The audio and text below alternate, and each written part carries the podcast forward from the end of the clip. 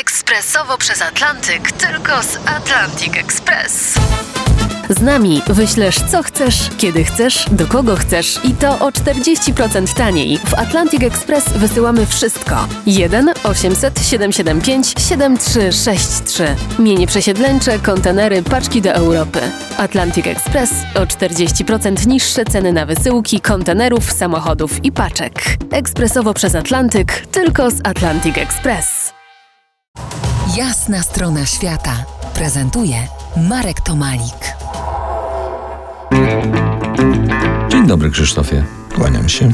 Moim gościem Krzysztof Jan Kwiatkowski, ojciec, a może już dziadek polskiego survivalu, pisarz, propagator, pedagog, znany w środowisku ludzi survivalu jako Krisek. Krzysztof, wydaje mi się, że survival rozumiesz jako samoratownictwo. To oczywiste, ale projmujesz go całościowo jako podążanie pewną drogą w życiu, przyglądanie się rzeczywistości od małego. Ja to słowo samorotownictwo właściwie y, użyłem jako wytrych dla tych, którzy jeszcze nie wiedzą. Również nie uważam, że survival to jest tylko wychodzenie do lasu, krzesanie iskry, żeby było ognisko, robienie szałasów i sobie bytowanie. To jest sposób na To jest życie. jeden elem- z elementów. Taka ucieczka od natury w, zgodnie z survivalem. Ale właśnie sztuka przetrwania, bo wolę to słowo, służy nam jako element codzienny naszego życia, tylko my tego nie wiemy. I y, chyba dążę do tego, żebyśmy sobie uświadamiali istnienie tej sztuki, z której można korzystać. Powiedz, dlaczego w podstawówce, a także w liceum wagarowałeś? Wydało się. E, No cóż, wolałem czytać. Zostawałem w domu, żeby czytać. Nie wiem, A nie na- pamiętasz, a pamiętasz cel tego czytania? To tak mama ja nauczyła, przeżywa, czy przeżywałem. przeżywałeś? Ja żyłem tymi obrazami, czytałem niektóre książki po raz dziesiąty, dwudziesty. Pamiętam własne emocje, y, kiedy dochodziłem do tej samej przygody, którą tak dobrze znałem i musiałem jeszcze raz przeżyć. No tak. Tam było, był jakiś taki ładunek i zazwyczaj to były rzeczy, kiedy coś się działo dobrze, kiedy ktoś uciekał i udało mu się uciec, kiedy ktoś już wpadał w przepaść i udało mu się wyleźć. To dla mnie to było cudowne.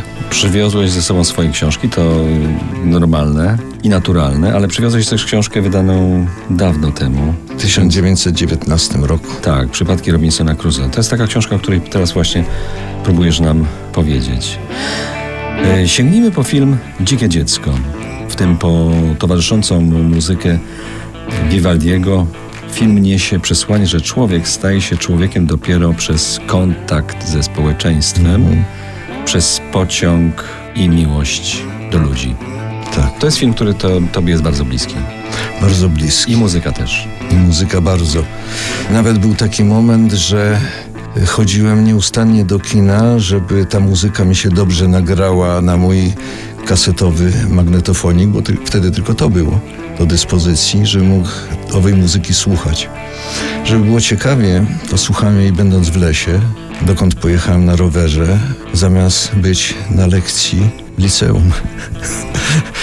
I ta muzyka mnie czyniła tym dzikim dzieckiem, które siedzi samo w lesie, słucha ptaków, wdycha woń ziemi, liści gnijących, igliwia i byłem wolny zupełnie. Jednocześnie wiedziałem, że dalej, tak jak w historii dzikiego dziecka, jak w filmie Truffaut, że to dziecko ma się stać później człowiekiem żyjącym w tym świecie świadomie i potrafiącym sobie radzić. Za kilkanaście minut powrócimy do rozmowy, do Twojego dzieciństwa, w którym jednak najważniejszą rolę odegrał Twój ojciec. Zostańcie z nami po jasnej stronie świata. To jest Jasna strona świata w RMS Classic.